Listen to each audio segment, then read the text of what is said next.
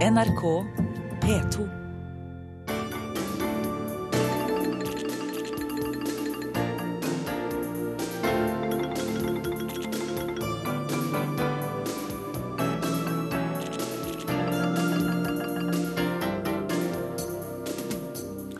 Klokken har passert 11.03. Det er lørdag.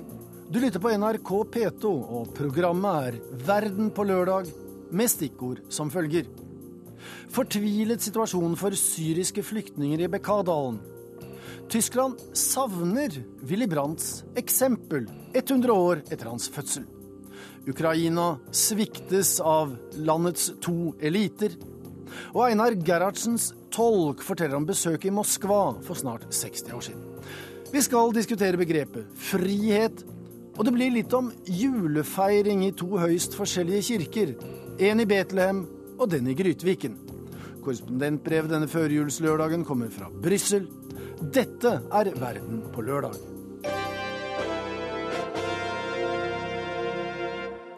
Men først altså Midtøsten, der vinterværet har gjort situasjonen helt prekær for mange hundre tusen syriske flyktninger i Libanon. Det fortsetter å komme flyktninger til landet, og mange av dem ender opp i kummerlige teltleire hvor de sliter med å holde varmen. Vår Midtøsten-korrespondent Sigurd Falkenberg Mikkelsen har besøkt Bekadalen og møtt en ung familie. Det brenner i ovnen til Nadia eller Mohammed, men det er ikke noen god varme. Hun brenner plastikk.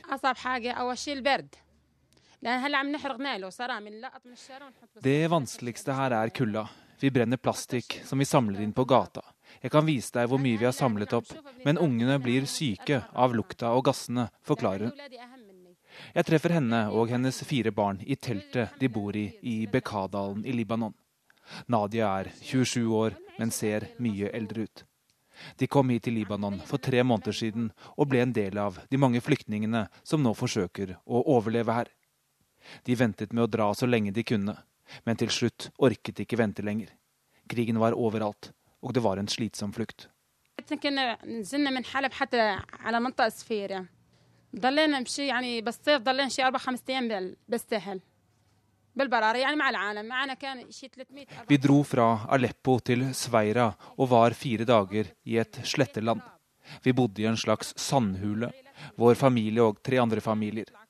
Det var noen i området som ga oss litt mel så vi kunne lage brød, men vi vet ikke hvor det kom fra. Det var det eneste vi hadde å spise.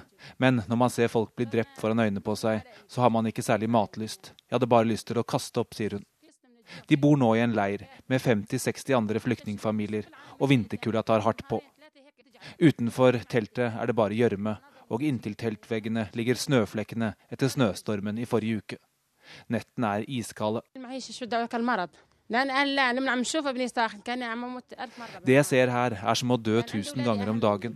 For meg er barna mine viktigere enn meg selv og min ektemann. Den ene sønnen min puster bare gjennom munnen, og vi trenger en operasjon, men vi har ikke penger til det, sier hun. Det finnes over 400 små flyktningleirer som den Nadia bor i, i Bekadalen. De har satt opp plastpresenninger over et lite trestillas. En hjelpeorganisasjon har bidratt med vanntanker og har gravd litt for å hindre den verste flommen når det regner. Men det er altså alt de får lov til. Libanesiske myndigheter nekter hjelpeorganisasjoner å bygge noe som kan minne om etablerte og permanente leire. Myndighetene frykter at det samme vil skje med syrerne som det gjorde med palestinerne for over 60 år siden, nemlig at det som skulle være midlertidige leire, ble varige bosteder. Det er nå rundt én million syriske flyktninger i landet, kvartparten av den opprinnelige befolkningen. Dette er den største flyktningkatastrofen per innbygger i verden akkurat nå, forklarer landdirektør for Flyktninghjelpen, Niyama Murnagahan. So it really is an unprecedented crisis. The number of refugees here in Lebanon is currently over 840,000, plus additional refugees who aren't registered. That compares to a population of somewhere in the region of 4 million. So on a per capita basis, this is the single biggest refugee crisis in the world. Og selv om hun sier at både regjeringen og lokalbefolkningen gjør en stor innsats for flyktningene, tror hun det kommer til å bli større og større behov for mer varig ly ettersom dette drar ut i tid. But do you wish you could have provided the refugees with more permanent uh, shelters? I think that that's the, the most important thing. I think that there will be a continuing and growing need to find permanent shelter solutions for people whose resources are exhausted the longer they remain outside of Syria. Men for de mange flyktningene i Bekkadalen akkurat nå er ikke dette en teoretisk diskusjon. Det dreier seg om å overleve. بالنسبه للشتاء صعب صعب ذاك النهار عشية واحنا نايمين ساعة اللي عملت ثلج على التخشيبة صار بتنقط فوقنا المي ما عاد نعرف منين بدنا نوقفها Vinteren er så vanskelig. Da det snødde og regnet her, lagt inn overalt fra teltene våre. Vi har kanskje et slags telt, men vi vet ikke hvordan vi skal stoppe vannet. Det kom inn fra alle kanter, sier Nadia, med ett barn på fanget og tre andre lekende i gjørma utenfor det hjemmelagde teltet, som i mangel av noe bedre har blitt hennes og familiens hjem. Og reporter i Libanon, Sigurd Falkenberg Mikkelsen. Denne uken er det 100 år siden statsmannen og nobelprisvinneren Willy Brandt ble født. Og onsdag kveld ble jubileet markert med en festaften i nettopp Willy Brandt House, de tyske sosialdemokratenes hovedkvarter i Berlin. Til stede var NRKs mann i byen, Arnt Stefansen, sammen med en lang rekke prominente SPD-koryfeer.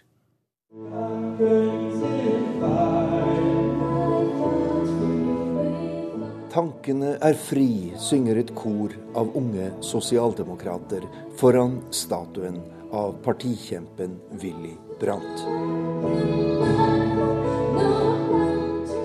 Blant 300 tilhørere er en enestående samling av SPD-politikere.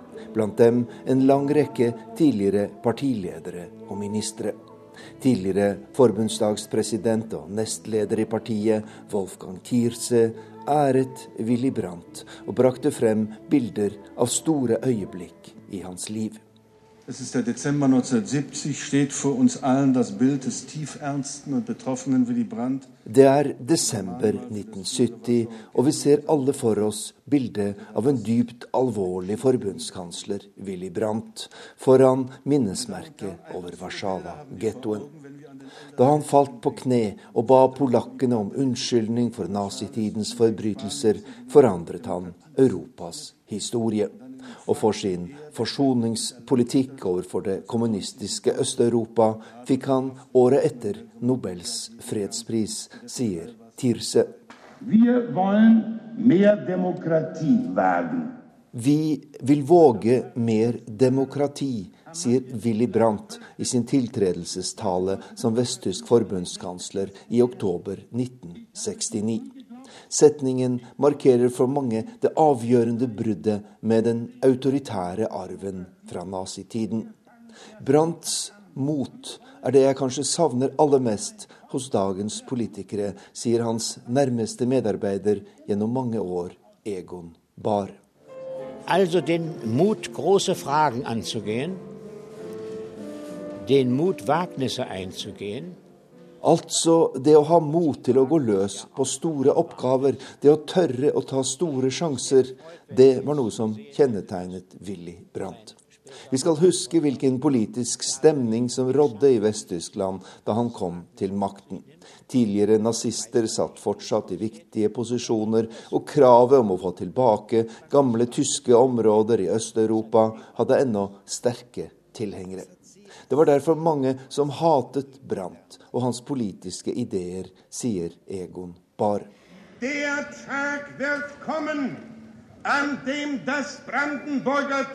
Vi nordmenn føler med rette at vi har en andel i statsmannen og nobelprisvinneren Willy Brandt. Han flyktet til Norge da nazistene kom til makten i Tyskland, og kontakten med den politiske venstresiden i Norge og Sverige var viktig for Brandts utvikling som politiker. Det sier professor emeritus ved Universitetet i Oslo, Einhard Lorentz, som nettopp har utgitt boken 'Willy Brandt et politisk liv'. Han refererer i den første tiden i Tyskland også stadig vekk til eh, Skandinavia som forbilde. Altså både på den praktiske politikken, på samfunnspolitikken, eh, men, men også rett og slett hvordan et demokrati fungerer.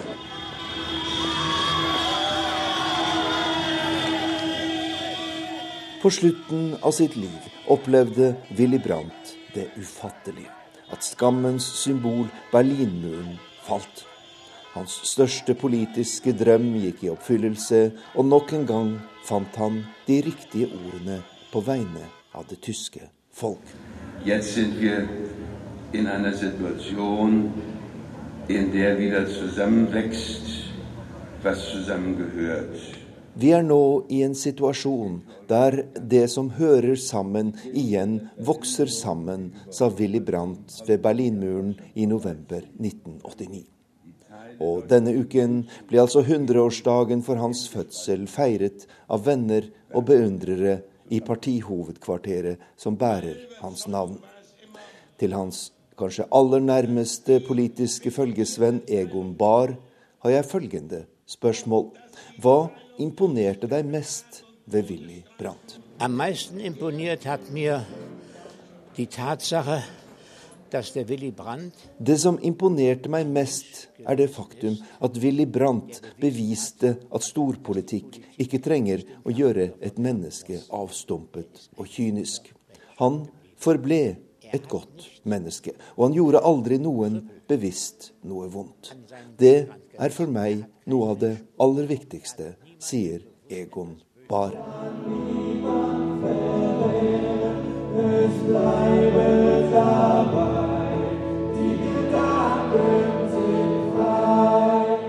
Ja, reporter i Berlin, Arnt Stefansen.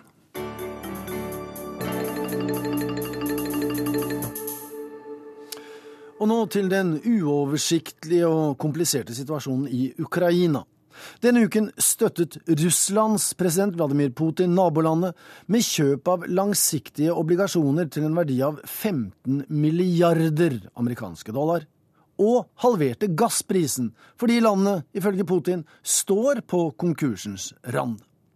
Hvordan et land i Europa med 46 millioner innbyggere på Frankrikes størrelse kom så langt ned, er tema for ukens utenrikskommentar, levert av Hans-Wilhelm Steinfeld fra Moskva. Jeg var til stede for noen år siden da fadder for friheten i Øst-Europa, Lech Walesa, holdt foredrag på Universitetet i Oslo Verftsarbeideren fra Dansk er ingen intellektuell mann, men han fikk da Nobels fredspris og ble president i Polen, som han sa dette om. Polen ligger der det ligger, mellom to sterke naboer, Russland og Tyskland. Ned gjennom historien fant disse to naboene på å besøke hverandre ubedt, ikke uten konsekvenser for det polske landskap. Walesas ord kunne passe på Ukraina nå. Et russisk og for så vidt østslavisk ordspråk lyder slik en ubedt gjest er verre enn en tatar. Ikke vel talt, men talende likevel. Hvem som er den ubedte gjesten i Ukraina nå skal det tales langsomt om, men hvem som konkret kunne gi en effektiv håndsrekning med Ukraina så absolutt i kne, kan kanskje karakteriseres med det amerikanske ordtaket 'cash is king' og der EU i Vilnius kunne tilby Ukraina 610 milliarder euro støtte per år, la Russland 15 milliarder amerikanske dollar i ukrainske langsiktige statsobligasjoner. Den styrkingen av Ukrainas likviditet var nesten 20 ganger mer enn EU klarte å mønstre. I tillegg nærmest halverte Russland gassprisen, som betyr alt for ukrainsk varme denne vinteren. Hvem brakte Ukraina i kne? Jeg dekket den oransje revolusjonen i Kiev i desember for ni år siden. Da som nå ble de liberale håp uttrykt på Maidanplassen. Men både den ukrainskspråklige eliten i Kiev og den russiskspråklige eliten i Danetsk kjørte rundt i Mercedes Bra-busser med sine respektive flagg i de to byene.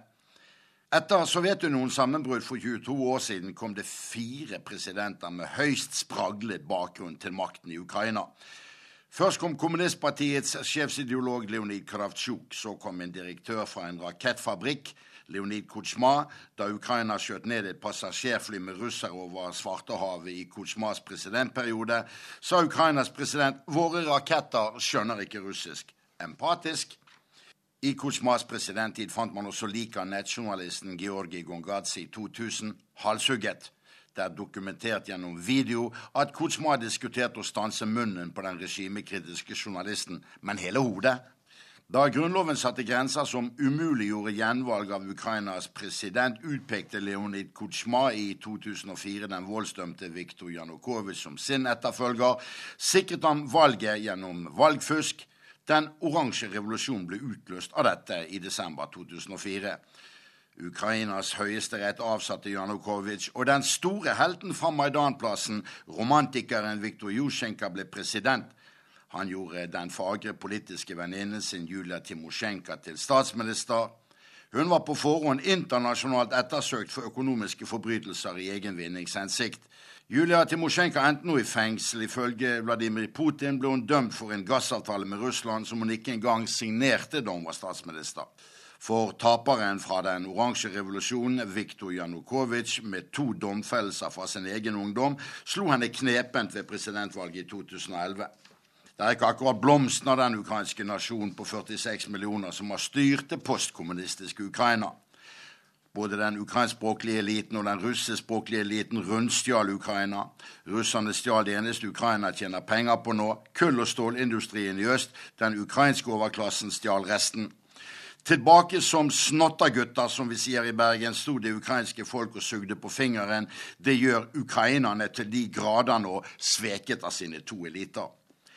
Begge disse elitene har styrt og styrer Ukraina i den reneste sovjetstil, med valgfusk og fengsling av annerledes tenkende. Det fysiske maktapparatet er skjære opportunistene.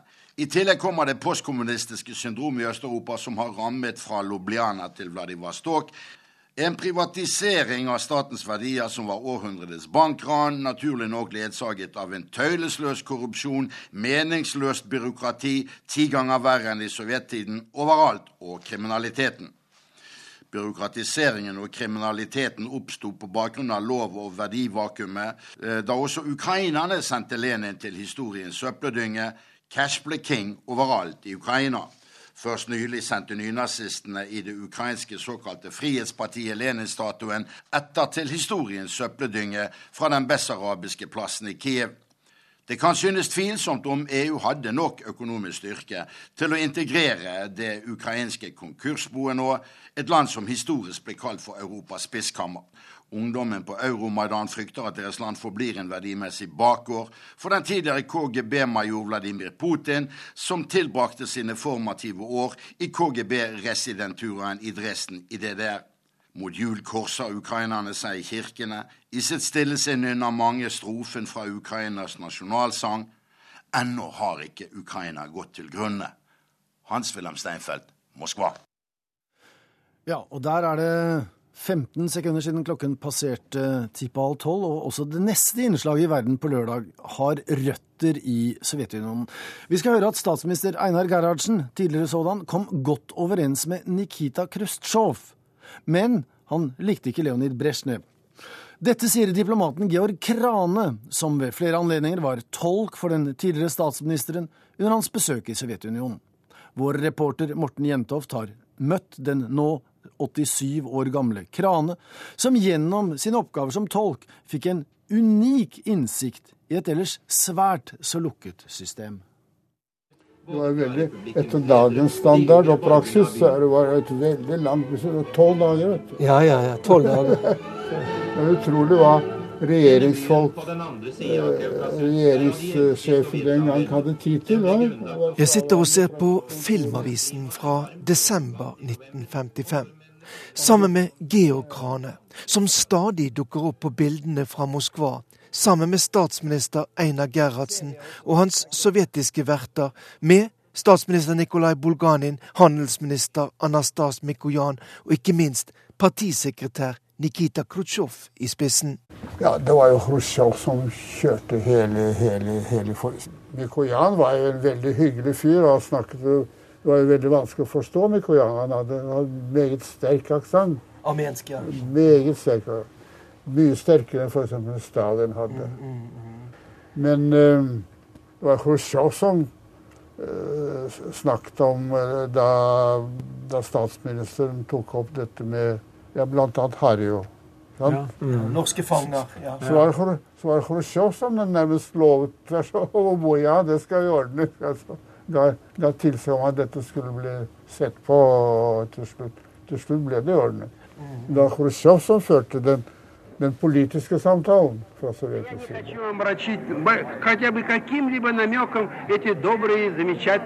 Vårt forhold til Norge er så godt at det vil ikke kaste noe som helst skygge over det med noe som helst hentydning.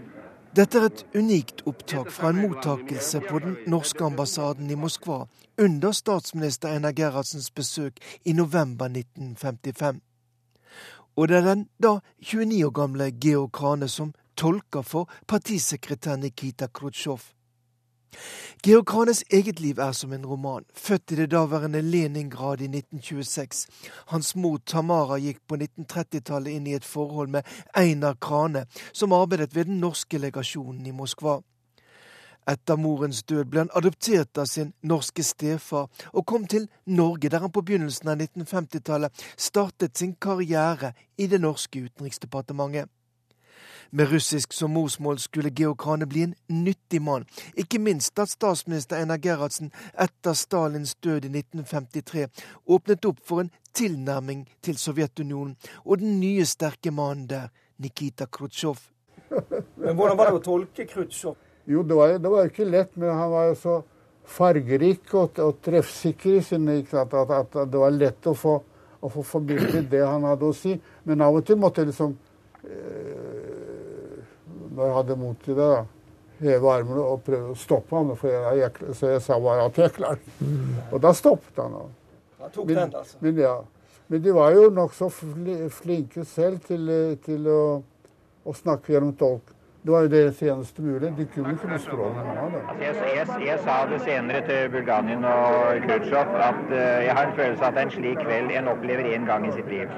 Einar Gerhardsen hadde vært i Moskva før, som ung sosialist og deltaker på Kominterns andre kongress i 1920. I Norge var det mange som var skeptisk til hans tilnærming overfor det som var hovedfienden under den kalde krigen, Sovjetunionen. Partileder Khrusjtsjov tok Gerhardsen med til Bolsjoj-teatret i Moskva, der han fikk se den store ballettstjernen Maja Plesetskaja, men også oppleve plutselig å få et tilbud om partisamarbeid mellom Arbeiderpartiet og det sovjetiske kommunistpartiet i hende. En politisk nøtt som Georg Krane ble nødt til å håndtere der og da. Kom med et papir, skrevet, skrevet forslag, skriftlig forslag. Ja, jeg, jeg, vi fikk det med oss eh, om kvelden, så satt jeg og oversatte, og så ga jeg til statsministeren, som da arbeidet videre med det. Det ble også Georg Kranes oppgave å håndtere russiske drikkevaner opp mot Einar Gerhardsens velkjente avholdslinje. Jeg tror det var Khrusjtsjov som, som, prøvde å få de norske gjestene til å ta seg enda et glass, eller begynne å så var det enten, enten Verne eller Eine eller begge samtidig forklarte den norske arbeiderbevegelses holdning til alkohol. Mm. Hvor meget lidelse og elendighet alkoholen hadde øh, skapt for arbeiderklassen. Mm. For de fattigste i samfunnet. Det hadde ingen virkning på Khrusjtsjov. Altså, jeg, jeg, jeg, jeg, tror de bare syntes at dette var helt uforståelig, og de bare feiet det, Den det, samfunnsmodellen som de der presenterte, nei, det var, det var helt utenfor deres forstand. altså.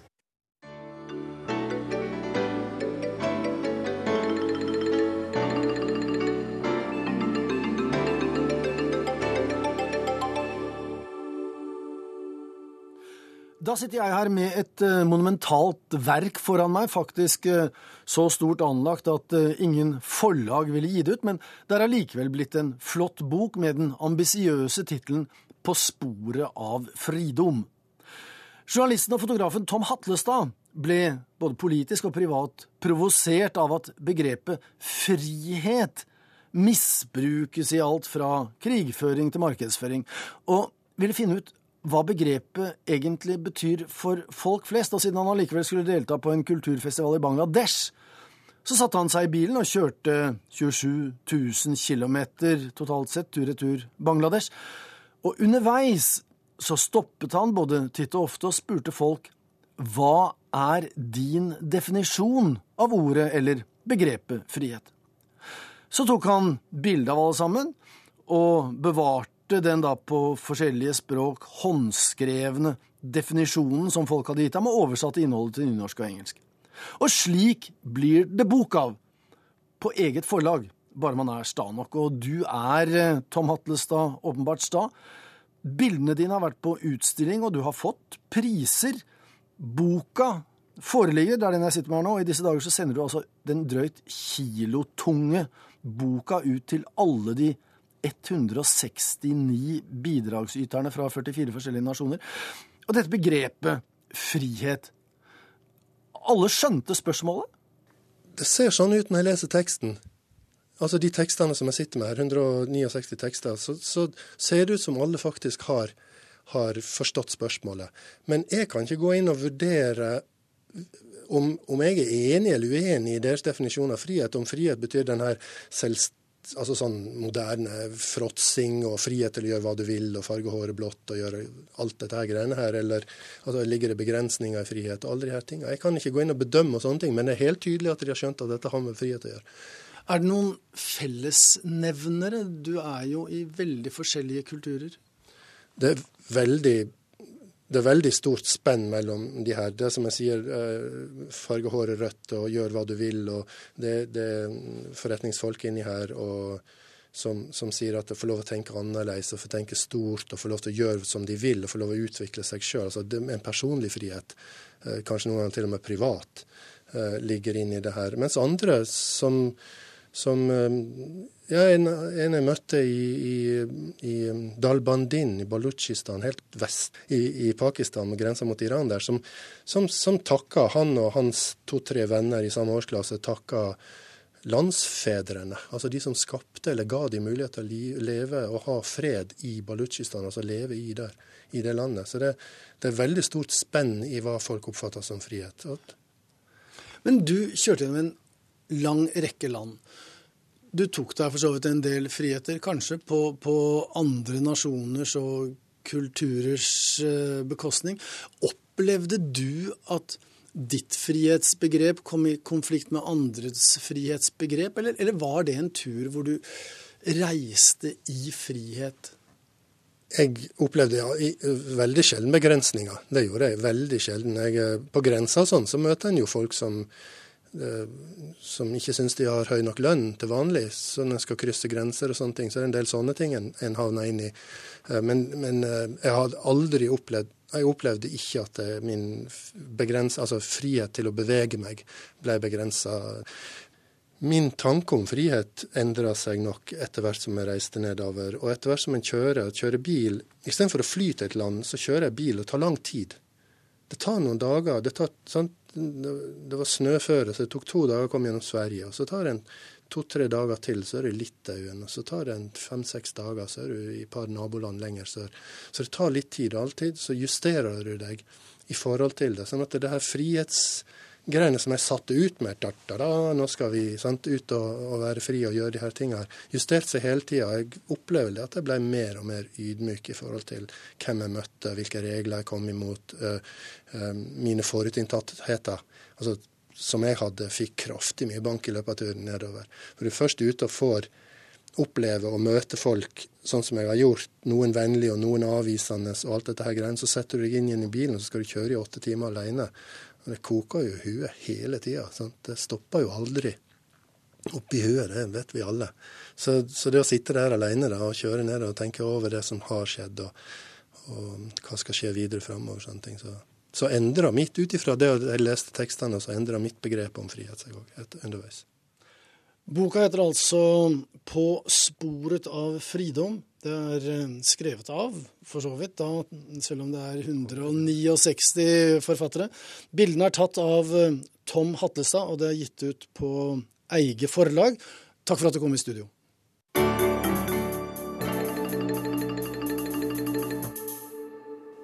Da sier jeg velkommen til deg, eh, Sven Mollekleiv, i studio. Du er president i Norges Røde Kors. Du er ikke spurt i denne boken, men hvis du var blitt stilt dette spørsmålet, hvordan ville du ha definert frihet? Jeg tror jeg vil ta utgangspunkt i det som er en forståelsesramme vi har i Norge og på en måte i hele den vestlige verden, men som også bygger på det som er de grunnleggende menneskerettighetene, som jo hele verden har klart å samle seg om. Og Hvis vi da tar utgangspunkt i Franklin D. Roosevelts berømte tale om de fire frihetene i 1941, altså da annen verdenskrig raste, hvor han nettopp snakker om eh, Først og fremst eh, begynner han å snakke om ytringsfriheten, og så snakker han om religionsfriheten. Men så kommer han da til de to frihetene som jeg som representant for Røde Kors og Røde Halvmåne møter hver dag der ute i møte med ofrene. Nemlig eh, friheten til å få tilfredsstilt de mest fundamentale, grunnleggende behov, som mat og vann og helsestell. Men også den siste friheten, altså friheten for ø, å ikke oppleve frykt. Og uh, når vi har gjort en undersøkelse i Den internasjonale Røde Kors-komiteen inni alle de verste krigs- og konfliktområder i verden, så har vi spurt folk, litt på samme måte som denne forfatteren har gjort, om hva er det viktigste for deg. Og da sier eh, folk over hele verden, uavhengig av tro og tilhørighet og etnisitet og alt, så sier de at når vi har fått dekket behovet for å overleve, mat og vann og helsestell, så er det altså eh, Det viktigste for oss er eh, det at vi, jeg og min familie, mine nærmeste og venner, kan føle oss trygge. Men da har du jo for allerede sagt at veldig mange av de du møter, mm. tusenvis av medarbeidere i Røde Kors og Røde Halvmåne, treffer jo folk som har ingenting. Mm. Enten de er flyktninger eller de er rammet av naturkatastrofer. Slik at de som er helt i nød, de har altså ikke kapasitet eller råd til å tenke store tanker om frihet. Det er helt riktig. De står i en situasjon der de hver time, hver dag, har ett eneste mål, og det er å overleve. Når de har klart å overleve og skaffet seg mat og vann og helsehjelp og helsestell for seg og sine barn, så er med en gang utgangspunktet hvordan kan vi greie å føle oss trygge? Gi beskyttelse, vern, sikre at vi ikke drepes. Og da ser vi at når vi har greid å skape den eh, beskyttelsen eh, og hjelpen til dem, da er det å gå fra retten til å overleve til retten til å begynne å leve. Og da snakker vi om å leve verdige liv. Liv hvor man også blir sett og verdsatt og ivaretatt. Eh, retten til å føle at man er unik, og at seg selv som enkeltmenneske eh, betyr noe. Vi er forskjellige, vi er ulike, vi har ulike synspunkter, vi slåss for forskjellige ting. Men det er ingen som kan rekke opp den hånda og si at de er mer verdt enn andre. Jeg tenker på Syria når du snakker nå. Ja. Alle i Syria kjemper mm. for frihet, mm. og det er bare ofre. Det er litt av en utfordring for dere? Ja, og det er nettopp derfor det er så utrolig viktig at vi har retten til å være på alle sider av alle frontlinjer. For det er ikke bare snakk om Assad-regimet og opposisjonen, men det er snakk om så mange ulike opposisjonsgrupper som har ulike agendaer, ulikt verdigrunnlag, ulike interesseområder, og som nå også inne i Syria akkurat nå slåss mot hverandre, dreper hverandre, lemlester hverandre, torturerer hverandre. Og i dette kompliserte bildet så ser man jo altså hvordan de ulike interessegruppene bruker ideologi og bruker sitt utgangspunkt og sitt frihetsbegrep til å gjøre hva de syns er bra for seg, men det er ikke akseptabelt at de gjør det på en måte som eh, utsetter andre for lidelser eller for eh, fare, slik vi ser det akkurat nå. Men vi vil alltid ta parti for ofrene. Takk for at du kom i studio, Sven Mollekleiv, president i Norges Røde Kors.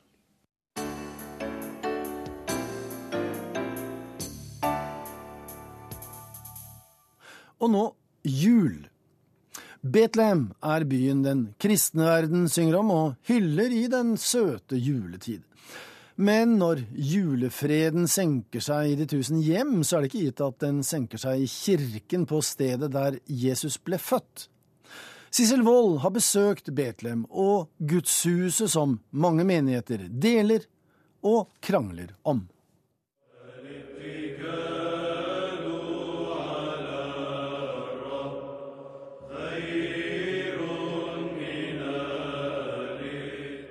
Vakker gresk-ortodoks sang på arabisk. Salmer du kan høre i fødselskirken i Betlehem. Men du kan også høre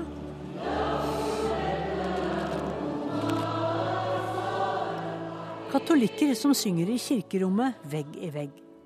Den er en av verdens mest berømte og viktigste gudshus, og besøkes av to millioner tilreisende hvert år. Det var Helena, mor til den romerske keiser Konstantin, som satte i gang storstilt kirkebygging i Det hellige land. Både gravkirken over Golgata og fødselskirken i Betlehem. Den sto ferdig i år 340. Men et samaritanopprør og flere jordskjelv har ødelagt steinkirken, så den har vært ombygget flere ganger de siste 1800 årene. Igjen skal den restaureres, og det er på høy tid. È condizione veramente da oltre 200 anni che non viene eh, restaurata, non viene fatto grandi manutenzioni. E. Kirken har ikke vært ordentlig vedlikeholdt på 200 år, og vi gjør så godt vi bare kan nå i denne viktige kirken, sier Marcello Piacenti til Reuters. Italieneren jobber i familiens bedrift Piacenti Spa, som har fått det ærefulle oppdraget med å restaurere bærebjelkene i taket og 38 vinduer. Å få satt i gang reparasjon eller ombygging av gudshus er ingen selvfølge i Det hellige land, der religiøse menigheter heller ligger i strid med hverandre enn å samarbeide.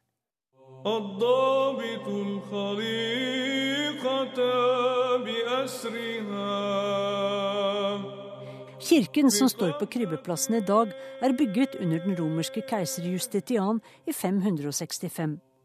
Først i 2012 ble kirken satt på listen over Unescos verdensarv, og står også på listen over truet verdensarv. Flere av takbjelkene er råtne, og regn lekker gjennom taket.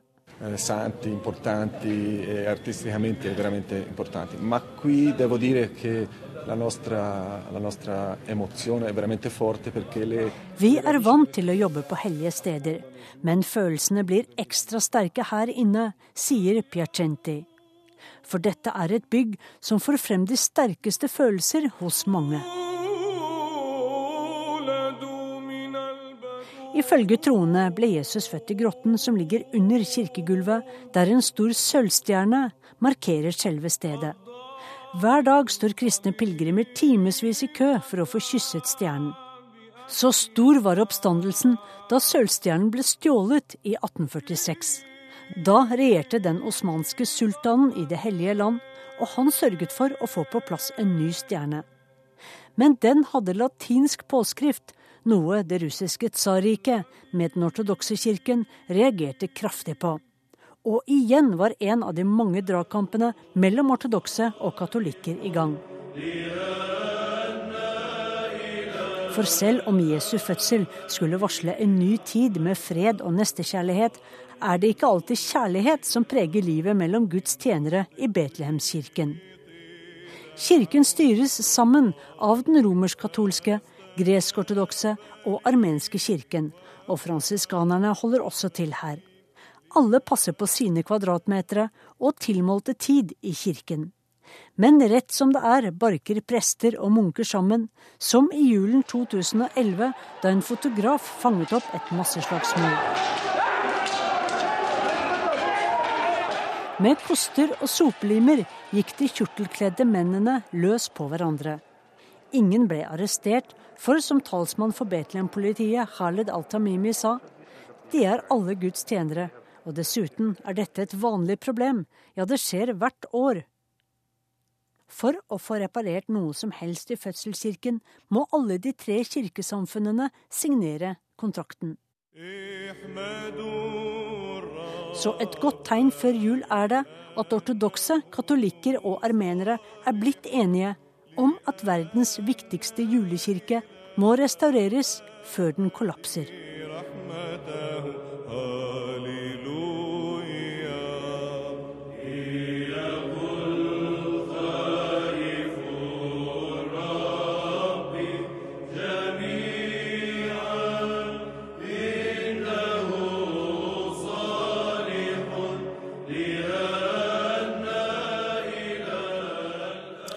Ja, mens vi er i julestemning, så skal vi ta en liten avstikker til Sør-Ishavet og Sør-Georgia, der 140 nordmenn skal tilbringe julen. De skal feire 100-årsjubileet til Den norske kirken i Grytviken. Denne tidligere norske hvalfangerstasjonen ligger på britisk grunn, selv om Argentina også gjør krav på landområdet øst av Falklandsøyene. NRKs reporter Hans Petter Reppe er akkurat nå på vei til Sør-Georgia om bord på hurtigruteskipet Fram, som går i cruisetrafikk på de kanter, der det er sommer for tiden. Det er hvalfangere og deres etterkommere som er på den turen. Og jeg hører at dere til og med har med dere geistlige fra Tunsberg bispedømme om bord, Hans Petter Eppe? Ja. Egentlig skulle biskopen selv, altså Laila Riksåsen Dahl, vært med, men uh, av forskjellige grunner så, så, er ikke hun det. Men uh, hennes stedfortreder er, er, med i stedet. da.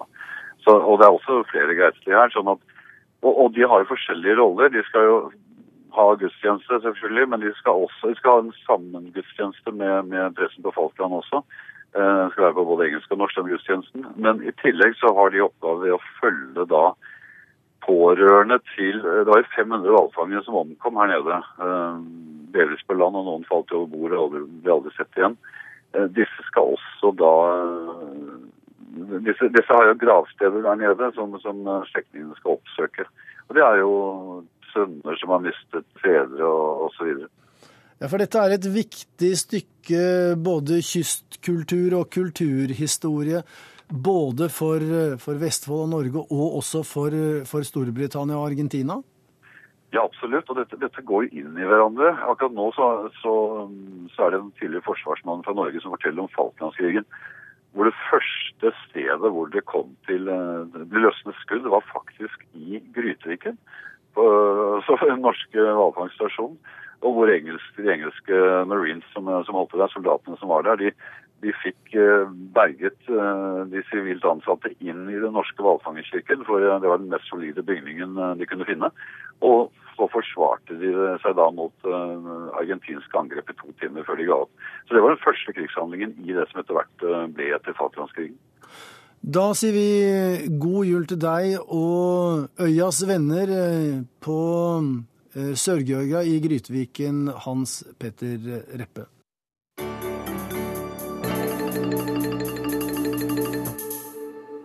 Men vi skal ikke slippe dette temaet helt. Altså, I 100 år har det ligget en norsk kirke på noen britiske småøyer i det sørlige Atlanterhav. Og vi har med oss journalist Sven Einar Hansen. Du sitter i vårt studio i Porsgrunn, og du har skrevet en bok som heter Hvalfangerkirken. Og du kan si mer om hva som er årsaken til at nordmenn bygde en kirke så langt hjemmefra? Først og fremst at det var eh, en, eh, mange nordmenn samla eh, under hvalfangst på hvalstasjonen, fangststasjonen i Grytviken, som ble etablert i 1904 som den aller første av disse moderne hvalfangststasjonene i Sydishavet. Og da hadde det framkom vel etter hvert et behov for en smule adspredelse. En kan jo tenke seg en gjeng med hardbarka mannfolk på ei isolert øy i månedsvis de trengte noen former for adspredelse, og da var det at bestyreren i Grytviken, han som starta det hele for øvrig, Carl Anton Larsen, eller C.A. Larsen som han kalte seg, fikk den ideen at han ville få ned en prest, skråstrek foredragsholder. Og etter hvert så kom også ideen om en kirke. Men var det mer altså, for å få litt ro i sjelen og kanskje litt sosialt samvær på siden av eh, det harde arbeidet, enn et religiøst behov? Ja, definitivt. Eh, det religiøse behovet var vel kanskje først og fremst eh, knytta til dette her med at de hadde en del særlig i tida fra 1904 og fram til kirken ble bygd, en del eh, sykdomsepidemier, arbeidsulykker og sånne ting som gjorde at folk omkom. Og da var det jo bestyreren som måtte ta den tunge plikten og forrette en form for begravelse. Så det, det religiøse behovet lå kanskje bare der. Men de hadde behov for et sted å samles sosialt, eh, drive med noe annet. og Derfor er kirken ikke bare et et kirkerom, men er, den har også en sidefløy som var eh, bibliotek og, og lesesal. Men hvalfangsten foregikk jo da i den sørlige sommeren, slik at uh, jula var jo midt i sesongen. Eh, Spilte kirken noen sentral rolle i julefeiringen for disse hvalfangerne? Absolutt. Den ble jo et veldig sentralt sted, og det er jo ikke tilfeldig heller at den ble eh, innviet nettopp i jula 1913. Første juledag 1913 er den offisielle innvielsesdagen. Det var da innvielsesgudstjenesten ble holdt. Og så lå den jo brakk da i mange år etter at det var slutt på hvalfangsten, og så ble den eh, revigslet, eller hva vi skal kalle det, i, i 1999. Hva var det som skjedde rundt, rundt det at den ble pussa opp og, og, nyinnviet og lagt inn under Tunsberg bispedømme? Ja. Det var jo et initiativ her hjemmefra i Norge, for dette, dette, er en norsk kirke. Den ble bygget eh, i Norge på Strømmen trevarefabrikk og fraktet i deler ned til Syd-Georgia og satt opp der. Den er, den er, en typisk norsk kirke. Den har to kirkeklokker fra Nauen klokkestøperi på Sem. Og så var det da en del norske hva skal vi kalle det, øyavenner som, som uh, tok initiativet til at noe måtte gjøres fordi at den var i sterkt forfall. Særlig tak og kjerketårn var i ferd med å rase sammen. Så det ble samlet inn en del penger. Det ble tatt kontakt med Tunsberg bispedømme, som i hvert fall om ikke formelt, så, så, følelsesmessig hadde en viss eh, tilknytning til denne kirken. Og så fikk man god hjelp, da ikke minst av britiske ingeniørtropper som på den tida var stasjonert i Grytviken etter Falklandskrigen. Så det var utover i 1990-årene at den blei pusset opp. Delvis finansiert fra Norge, men med arbeid utført av, av britene som holdt til på, på Syd-Georgia. Så blei det i 1999, januar 1999 arrangert en, en tur med særlig tidligere hvalfangere, noe à la de, den gjengen som er på vei ned nå. Som reiste ned til, til Syd-Georgia og besøkte hvalfangststasjonene, og som da endte opp i kirken. Og med på den turen så var da eh, konstituert biskop i Tunsberg som het Magne Storli. Og det var han som da holdt gudstjeneste og revelsigna kirken. Og nå er det altså klart for en ny norsk julegudstjeneste i Grytviken. Vi sier eh, takk for at du hjalp oss, eh, journalist Sven Einar Hansen, som også da har skrevet en bok, 'Hvalfangerkirken'.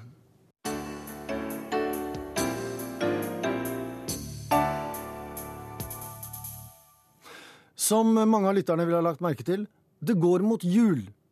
Men i store deler av verden så blir det ikke nødvendigvis en gledelig jul for alle. I hvert fall er det mange finanskriseofre i Europa som får en stusslig høytid. Så også i Brussel, der vår korrespondent Åse Marit Befring har postlagt denne ukens korrespondentbrev.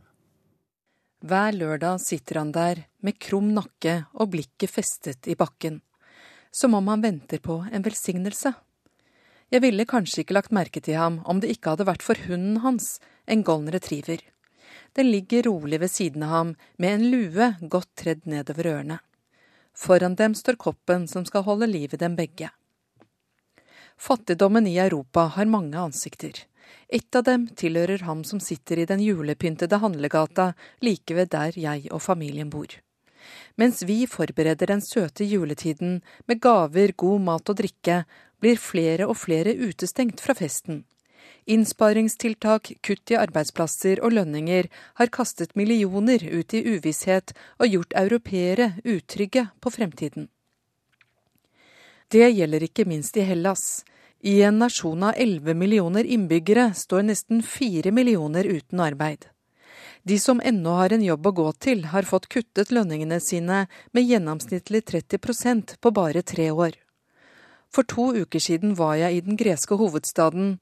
Ordføreren der, Jorgos Kaminis, har satt i gang et nytt prosjekt for fattige. En hjelpestasjon bygget på solidaritet mellom de som ennå har, og de som trenger hjelp til å overleve. Det er ikke lenger en marginal gruppe som er fattige. Nå må vi hjelpe dem som bare for et par måneder siden levde normale liv, og de vet ikke engang hvor de skal henvende seg, fortalte han.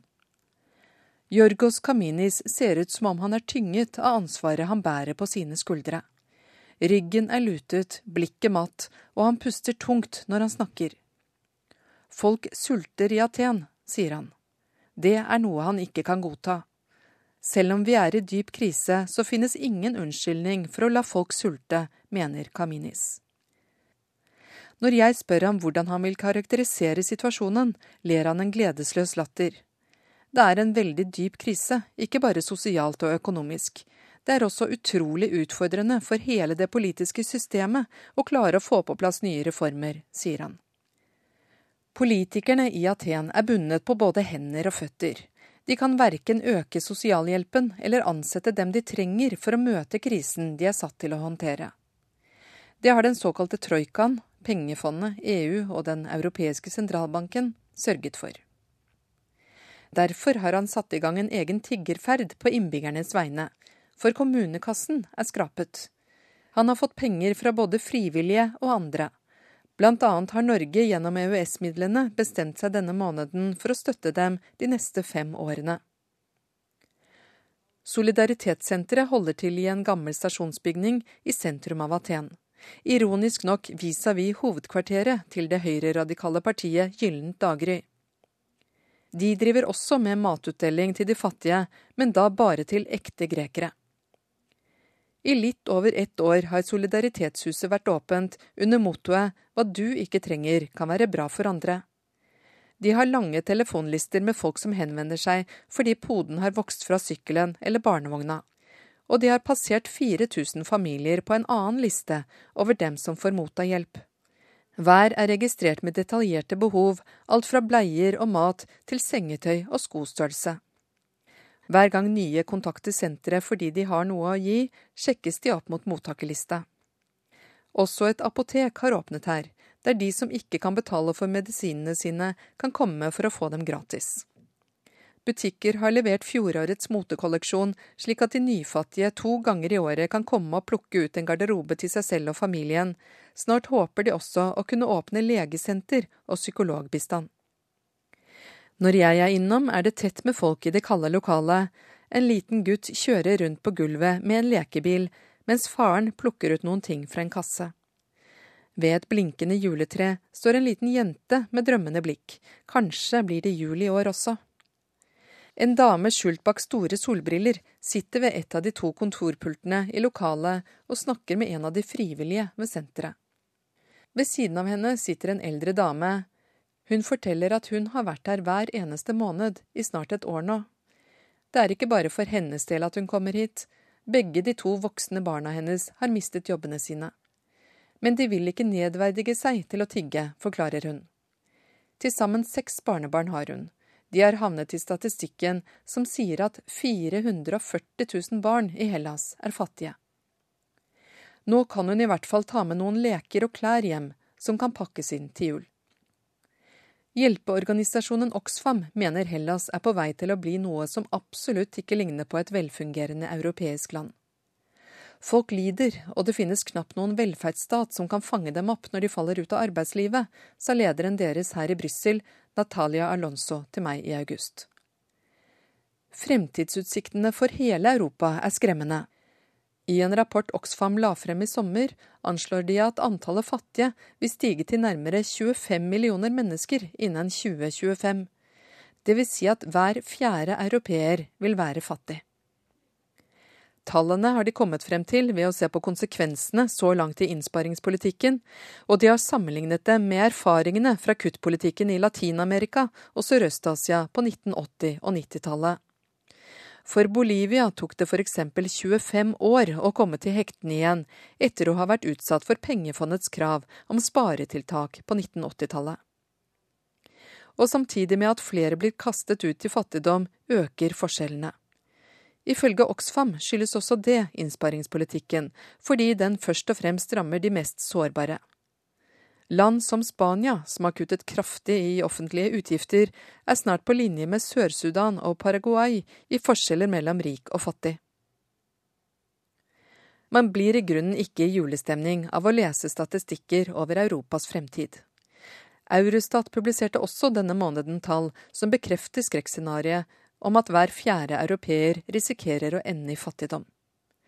EU har derfor som et av sine hovedmål å redusere denne risikoen innen 2020, sier de. Men solidariteten strekker seg ikke alltid så langt. Et av EUs medlemmer har i disse førjulstider gjort hva de kan for å slippe en bølge av fattige fra sør til nord etter nyttår. Da kan nemlig bulgarere, som er rangert øverst på lista over dem som risikerer å ende i fattigdom, reise fritt til alle EU-land for å søke jobb. Og de har også krav på trygdeordninger som alle andre. Romania, som er på andreplass på lista, får de samme rettighetene. Storbritannias statsminister David Cameron frykter en masseflukt, og har hatt hyppige møter her i Brussel for å prøve å innføre nye restriksjoner men han burde kastet et blikk over skulderen under sine mange reiser hit dersom det er økende fattigdom han er redd for. For bare et steinkast fra EUs hovedstad ligger Valonia, der jeg bor. Der går det heller ikke så bra, skal vi tro EUs egne statistikker. Faktisk er risikoen for å bli fattig for en som er under 18 år i Valonia i dag, nesten like høy som i Romania og Bulgaria. Og den er høyere enn i Hellas. På den andre enden av skalaen, altså der ungdommene med minst risiko for å bli fattig bor, finner vi Norge, etterfulgt av Danmark og med Flandern på en god nummer tre. Altså den andre store regionen her i Belgia. Ifølge en undersøkelse av 6000 husholdninger her i Belgia skyldes forskjellene at færre av de fransktalende vallonerne har stabil inntekt, de tjener mindre enn sine flamsktalende landsmenn, men får samtidig flere barn enn dem. Landet er splittet mellom de to språkgruppene, men samlet havner Belgia midt på treet og ved risiko for å bli fattig. Mannen med golden retrieveren er ikke valloner, men fra Ungarn, og han sitter ikke alene i handlegata der jeg bor. Forrige lørdag talte jeg fire tiggere på under 50 meter. Jeg ga ham noen slanter på min julehandel, kanskje for å lette på den dårlige samvittigheten. Takk, sa han uten å løfte blikket, det var omtrent det han kunne si på fransk. Men plakaten på bakken er forståelig nok. Der står det Vi er sultne. Takk. Ja, Dette brevet var altså postlagt i Brussel og undertegnet Åse Marit Befring. Og dermed er denne siste direktesendte Verden på lørdag-sendingen dette året ved veis ende. Det var tre av oss som fikk den på luften. Um, teknisk ansvarlig Lisbeth Sellreite. Skript den lørdagen Elise Øygarden. Og her i studio satt Joar Hoel Larsen.